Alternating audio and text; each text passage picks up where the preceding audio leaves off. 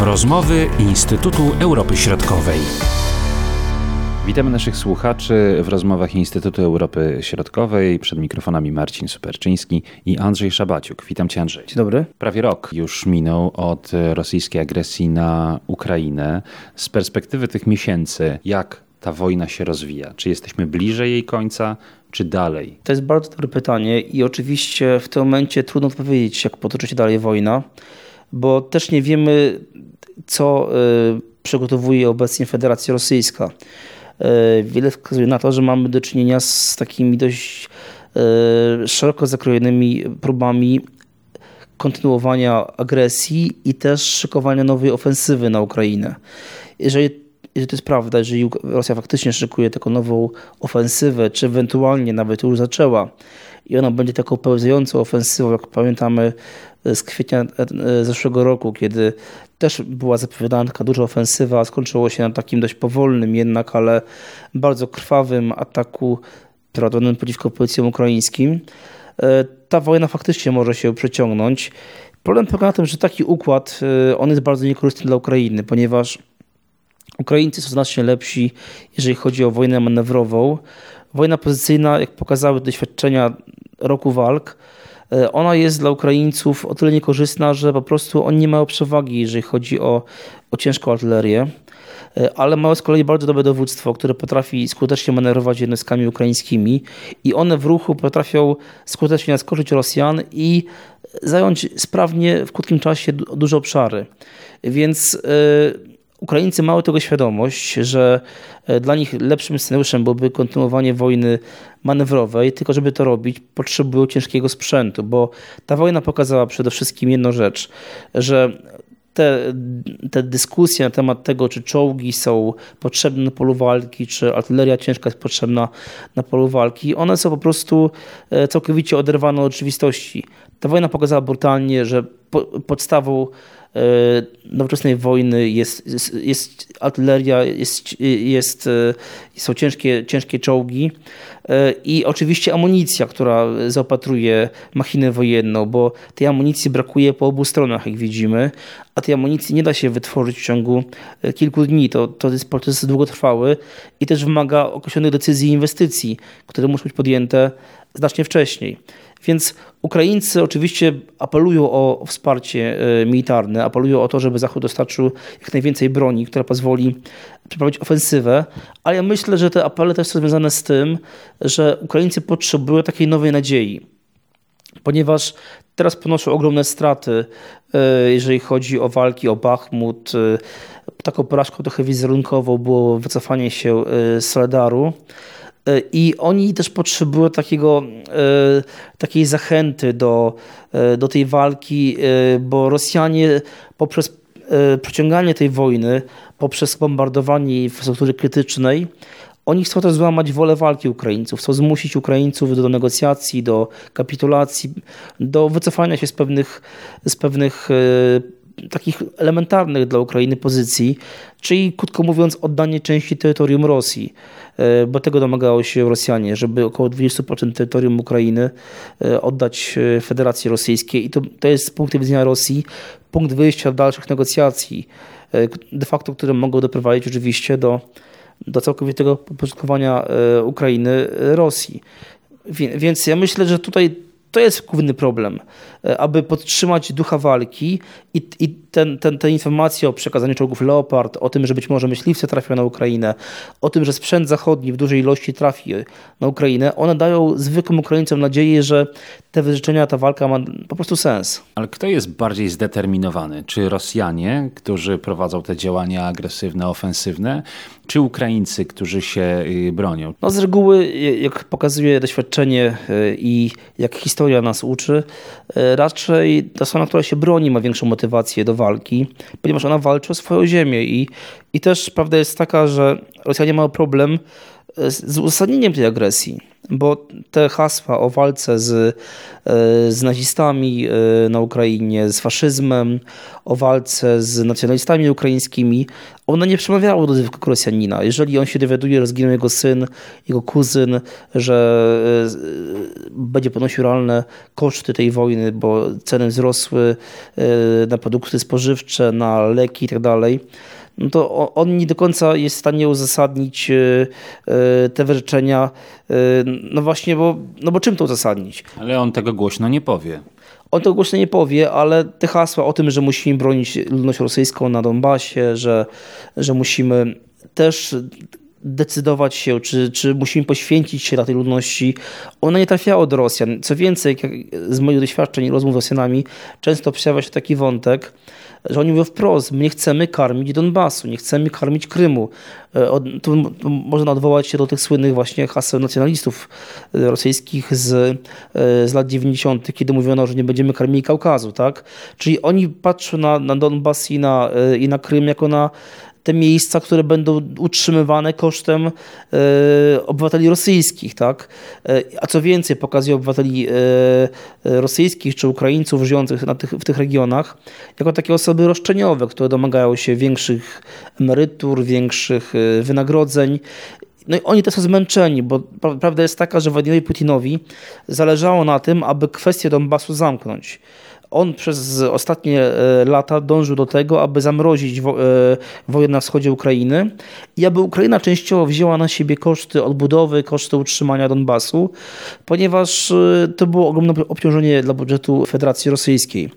I teraz widzimy, że ten plan nie tylko się nie udał Władimirowi Putinowi, ale też on po prostu mierzy się z innym problemem. No, musi teraz utrzymać ogromne rzesze żołnierzy walczących na Ukrainie.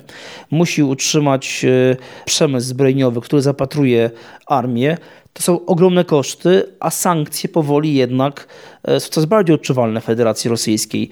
I najbardziej niepokojące moim zdaniem dla obecnego reżimu rosyjskiego jest to, że społeczeństwo będzie coraz bardziej odczuwało skutki wojny, ponieważ tego nie, nie będzie dało się uniknąć wiele, wiele tych sankcji, które weszły e, w życie, e, nałożonych w ciągu ostatniego roku, one weszły w życie, w życie z opóźnieniem. One weszły w życie tak naprawdę po kilku miesiącach. Część dopiero kilka miesięcy temu weszła, a część tak naprawdę ostatnio weszła w życie. Więc one będą stopniowo coraz bardziej odczuwalne dla Federacji Rosyjskiej, a Władimir Putin, e, on ma świadomość tego, że społeczeństwo rosyjskie nie będzie tolerowało władz, elit, które będą nieskuteczne. W historii Rosji znamy takie przypadki. Te, e, te osoby, ci liderzy, którzy okazali się nieudolni, którzy rozczarowali społeczeństwo rosyjskie, na przykład Chruszczow, Borys Jelcyn, tak, czy e, to właśnie, czy Michał Gorbaczow, e, one przez samego Władimira Putina są traktowane z pogardą, dodajmy. Więc on nie chce skończyć jak, jak Gorbaczow czy jak e, Jelcyn. On chce, on chce być takim przywódcą jak Piotr I, jak Katarzyna II, jak, nawet jak jak Józef Stalin. Taka jest prawda. Mówisz o coraz trudniejszej sytuacji e, w Rosji, no ale sytuacja bardzo ciężka jest przecież na samej Ukrainie. Gdyby nie pomoc e, z Zachodu, przede wszystkim ze Stanów Zjednoczonych, to ta wojna już by raczej nie była kontynuowana, bo nie byłoby czym walczyć. Czy ta pomoc, Twoim zdaniem, jest nadal niezachwiana, czy też pojawiają się jakieś y, niepokojące zjawiska, które mogą świadczyć o tym, że jest odwrotnie? Ja powiem tak, ja myślę, że część elit zachodnich po pierwsze przekonała się, y, kim jest Władimir Putin. I te doniesienia, które między innymi y, pojawiły się w mediach o rozmowie z Władimira Putina z Borysem Johnsonem, gdzie on straszył premiera Wielkiej Brytanii atakiem nuklearnym. E, podobne doniesienia o, o Emmanuelu Macronie, który też sugerował, że podobne groźby były kierowane pod jego adresem.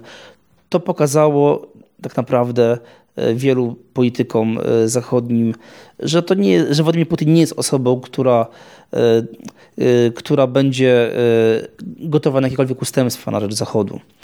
E, Joe Biden bardzo dobrze zna i Ukrainę, i Rosję, więc ja myślę, że jego nie trzeba było przekonywać, kim jest Władimir Putin. Sam to wprost mówił, że on jest mordercą, tak? W jednym, z, w jednym, swoich, w jednym ze swoich wypowiedzi. To też pokazuje, że e, elity e, nie mają zamiaru tolerować neo, neoimperialnej polityki Władimira Putina dłuższą metę, to pierwsze. Po drugie, Zachód rozumie, jaką zapłaci cenę, jeżeli nie pomoże Ukrainie. Tu nie chodzi o agresję Rosji na Polskę czy na Zachód, bo to jest oczywiście mało realne. Ale pytanie jest takie, jaka będzie sytuacja e, w Europie Środkowej, czy ogólnie w Europie, kiedy Ukraina w cudzysłowie będzie państwem upadłym. Kiedy Ukraina będzie państwem takim jak Afganistan. Nie chcę mówić, że tak będzie. Tylko prawda jest taka, że tak duże państwo, zniszczone, e, zdestabilizowane przez Federację Rosyjską u granic Unii Europejskiej, to będzie poważne wyzwanie z punktu widzenia bezpieczeństwa. Migracja zarobkowa ogromna, kwestie właśnie broni, która pozostanie na tym terytorium e, po, po krwawej walce. E, to może mieć naprawdę dalekosiężne skutki. Już nie mówiąc o tym, e, że sytuacja ogólnie Unii Europejskiej się zmieni, ponieważ u granic, wschodnich granic Unii Europejskiej i NATO będzie sąsiadowała Unia Europejska i NATO z państwem agresywnym, z państwem neoimperialnym, z państwem, które się nie obawia wykorzystać e, siły militarnej do realizowania swoich interesów politycznych. Więc ja myślę, że to jest to, co zachęca jednak Zachód, mimo tego, że oczywiście obawiają się politycy zachodni eskalacji tej wojny, do wspierania Ukrainy. Zresztą Ukraińcy sami to wprost mówią od, od dawna już, tak? Albo dzisiaj będziecie wspierali nas bronią, albo szykujcie się na miliony uchodźców wojennych, którzy trafią do was, ponieważ te osoby będą musiały uciekać z Ukrainy, nie ma wyboru. Jeżeli Rosja zajmie połowę Ukrainy na przykład, to e, dodajmy, że w takich miastach jak Charków, jak Zaporoże, e, żyje bardzo dużo e, osób wewnętrznie przesiedlonych. To są osoby, które wyjechały z terenów zajętych przez, przez Rosjan. Tak samo Odessa na przykład. Jeżeli Rosjanie by zjęli te miasta, to dziesiątki tysięcy osób będą musiały stamtąd wyjechać dalej na zachód. I to może zapoczątkować taki łańcuch trochę. Więc y, y, ja myślę, że obecne władze Ukrainy potrafią jednak znaleźć argumenty, aby przekonać, przekonać y, polityków zachodnich. Tylko pytanie jest takie, jak długo społeczeństwa europejskie będą w stanie znosić te ciężary, ten trud, który jednak łączy się z agresją rosyjską, bo płacimy wszyscy to jednak. I ceny energii, ceny surowców węglowodorowych skoczyły do góry. To dotknęło całą Europę.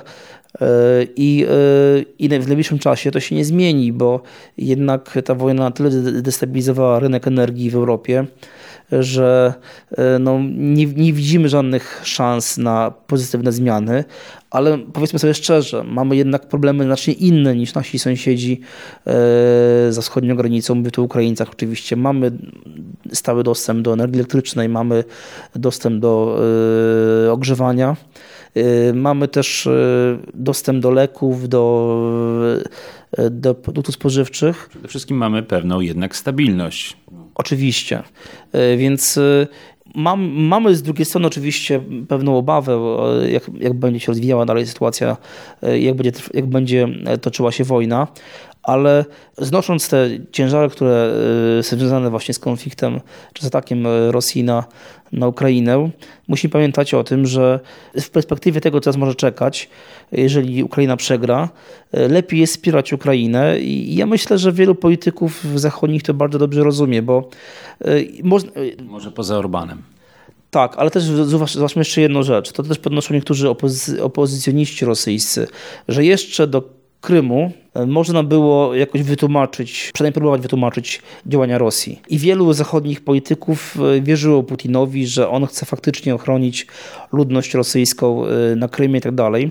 Co oczywiście było całkowicie niezgodne z rzeczywistością i, i, i nieprawdą, ale to jeszcze jakoś tam można było uzasadnić, używając propagandy i innych instrumentów. Obecnie takie działania są całkowicie niewytłumaczalne, irracjonalne i dodajmy, że też, jeżeli chodzi o Rosję, to wielu intelektualistów, wielu y, działaczy kultury wyjechało y, z Federacji Rosyjskiej. I to w momencie, na samym początku agresji, Ała Pogaczowa chociażby, która teraz żyje w Izraelu, e, ta skala migracji, jaka ma miejsce obecnie z Rosji, to możemy już mówić nawet o, ponad milionie osób, które wyjechały. To pokazuje też, że nie wszyscy w Rosji godzą się na to, co Władimir Putin. Albo się boją, bo nie chcą być powołani do wojska. To jest też oczywiście część osób, które jak najbardziej boją się mobilizacji, ale część osób i tak planowała dawno wyjechać z Rosji. Gdzieś w końcu ta wojna musi się jednak zakończyć, prawda? I to pytanie, które cały czas y, sobie stawiamy, czy też bardzo często sobie stawiamy, co będzie właśnie tym punktem zwrotnym, że y, obie strony, albo jedna z nich zdecyduje, że to jest już koniec, że dalej nie da rady. Czy to jest właśnie to wyczerpanie gospodarcze przede wszystkim, czy może coś innego? Moim zdaniem Władimir Zełenski nie zgodzi się na żadne e, ustępstwa terytorialne e, na rzecz Rosji z prostego powodu. E, jak, jak, jak, jak, jakbyśmy śledzili na bieżąco media ukraińskie, to ten wątek też się pojawia tam. Tylko on się pojawia w jednym kontekście. Błędem były ustępstwa w 2014-2015 roku. Wtedy trzeba było walczyć do końca i iść na, iść na całość. E, oczywiście no dobrze, no ale wtedy nie było możliwości, nie było armii, nie było sprzętu, nie było amunicji. E, armia była ukraińska w takim, można powiedzieć, e, okresie kryzysu, ale część osób mimo wszystko uważa, że wtedy należało przeciwstawić się agresji rosyjskiej i wprost powiedzieć, kto jest agresorem. Nie zaczynać operacji antyterrorystycznej na Donbasie, nie tolerować aneksji Krymu, tylko odpowiedzieć zbrojnie na aneksję Krymu i dzisiaj te, te hasła, te, te, te poglądy są bardzo popularne, jeżeli chodzi o Ukraińców, ponieważ po takich ofiarach, jakie Ukraina poniosła e, w ciągu tych ostatnich lat, e, coraz mniej osób jednak jest skłonnych do ulegania tym zachętom do negocjacji z Rosją. Tym bardziej, że argumenty tych osób, które uważają, że takie negocjacje nie mają sensu, są dość logiczne. Czyli krótko mówiąc, większość uważa e, z nich, że e, Władimir Putin nie dotrzyma e, tych porozumień, które podpisze ewentualnie Ukraina z Rosją i to będzie tylko taktyczny pokój czy zawieszenie broni, które zostanie zerwane w momencie, kiedy Rosja będzie chciała wznowić działania zbrojne. E, czyli to będzie tylko taka, takie granie na czas, jak, jak, miało miejsce na przykład po I wojnie czeczeńskiej, kiedy Rosja po pokoju podpisanym z, z Czeczenami przygotowała się do kolejnej agresji, szukała pretekstu, żeby zaatakować po raz kolejny Czeczenię. Więc Rosja nie ustąpi, e, tak uważają niektórzy Ukraińcy, a czy większość tak uważa elit ukraińskich obecnie, więc jedyną możliwością zakończenia wojny jest pokonanie Rosji. Tylko pokonanie Rosji daje nadzieję, E, że ta wojna zakończy się dla Ukrainy pozytywnie. Walery Załużny mówi nawet więcej, mówi wprost, że nie mamy prawa e, przenosić tej wojny na nasze dzieci i wnuki. Czyli naszym obowiązkiem jest zakończenie tej wojny teraz, e, aby w taki sposób, aby Rosji przez najbliższe dekady nie przyszło do głowy po raz kolejny zaatakować Ukrainę. Ja rozumiem, że to jest pewna propaganda też państwowa, że to jest pewien, pewien taki, e, taki patriotyczny trochę, e, taka narracja patriotyczna, i niektórzy powiedzą, że trochę oderwano od rzeczywistości, bo jednak potencjał militarny Rosji jest ogromny, pewnie potencjał ludnościowy oczywiście, ale z drugiej strony nie można też nie przyznać racji tym środowiskom, które uważają, że negocjacje z Rosją są po prostu stratą czasu że to jest tylko y, y, to, to daje tylko Rosji czas na odbudowę armii, która została częściowo zniszczona, przegrupowanie i podobne uderzenie na Ukrainę. Czyli można powiedzieć, że Ukraina nie ma wyboru, a jaki wybór może mieć Rosja wobec tego? No właśnie, pytanie czy Rosja, czy elity rosyjskie, bo ja myślę, że nie każdy Rosjanin chce tej wojny. Nieoficjalnie, moim zdaniem, większość tej wojny nie chce, ale elity rosyjskie nie widzą możliwości, aby przegrać z Ukrainą, z kimkolwiek innym, ale nie z Ukrainą, bo w propagandzie rosyjskiej zawsze e, prezentowano Ukrainę jako jako państwo takie e, no, zdezorganizowane, anarchiczne, które ogarnęła korupcja, no taki nieudany eksperyment demokratyczny trochę, tak? Gdzie bieda zmusza miliony ludzi do wyjazdu za pracą na zachód. W Rosji jest wspaniale, bo oczywiście z Rosji nie trzeba wyjeżdżać, wtedy Rosji przyjeżdżało za pracą, a Ukraina z kolei ponieważ nie, nie zdecydowała się na zbliżenie Zachodem, e, ponosi tego e, konsekwencje. I teraz w narracji rosyjskiej widzimy też, że Rosja próbuje e, pokazywać tę wojnę jako wojnę nie z Ukrainą, tylko wojnę z Zachodem. wojnę z, ze Stanami Zjednoczonymi, wojnę z NATO. I Władimir Putin ja myślę, że nie ma w tym momencie możliwości wyjścia z tej wojny z twarzą. I to jest cały problem. E, część polityków, między innymi pamiętamy to słynne sformułowanie Emmanuela Macrona, e, sugerowało, że musimy pozwolić wyjść Władimirowi Putinowi e, z tej sytuacji z twarzą. No to jest niemożliwe. Ja myślę, że Władimir Putin ma tego świadomość, więc on, dopóki będzie miał taką możliwość, będzie kontynuował walkę do momentu, aż osiągnie swoje cele, tak? Pytanie jest takie, czy on ma taką możliwość y, i, i Rosja może osiągnąć swoje cele. Niestety jest taka możliwość. Pytanie oczywiście, jaka będzie cena, jaką cenę, cenę zapłaci Federacja Rosyjska. No, na pewno to będzie cena liczona w setkach tysięcy poległych y, w wojnie z Ukrainą y, i to będzie wyniszczenie i Ukrainy, i Rosji. I osłabienie poważne Ukrainy i Rosji, ale nie obserwujemy jakiegokolwiek sprzeciwu czy buntu, nawet najmniejszego, jeżeli chodzi o dowództwo rosyjskie. Co więcej, Władimir Putin zmienia poszczególnych dowódców i to on, widać, e, rozdaje karty e, i twardą ręką trzyma e, elity, które są wokół niego skupione. Tak więc dopóki Władimir Putin nie uzna, że ta wojna powinna się zakończyć, ewentualnie zostanie siłą odsunięty od władzy, na co się nie zanosi, w najbliższym czasie, ta wojna będzie trwała. Prawda jest taka, że Zachód też nie ma pomysłu na, na zakończenie tej wojny, więc to jest taki, taka sytuacja, która będzie niestety eskalowała. I pytanie jest takie, jak to się skończy dalej? Czy, to, e, czy rok 2023 będzie przełomowy, czy to będzie kolejny rok krwawej, brutalnej wojny, wyniszczającej oba państwa? No moim zdaniem wiele będzie zależało od tego, jak zachowa się Zachód, o czym mówiliśmy. Czy Zachód decyduje się na wspieranie militarne Ukrainy, czy jednak poprzez zmniejszanie dostaw będzie starał się jakoś ten konflikt powoli wygaszać, ale wygaszać w takim znaczeniu bardzo negatywnym dla nas, czyli po prostu y, zmuszając Ukrainę do pewnych ustępstw, do podporządkowania się Rosji. I dla Rosji już sam fakt rozpoczęcia negocjacji Ukrainy z Rosją, to będzie zwycięstwo. Taka jest prawda. A jak to się potoczy dalej, to e, trudno oczywiście powiedzieć, ale społeczeństwo ukraińskie, gdyby doszło do takiej sytuacji, że Władimir Zełenski będzie zmuszony do negocjacji z Rosją, nie pozwoli na to Zełenskiemu.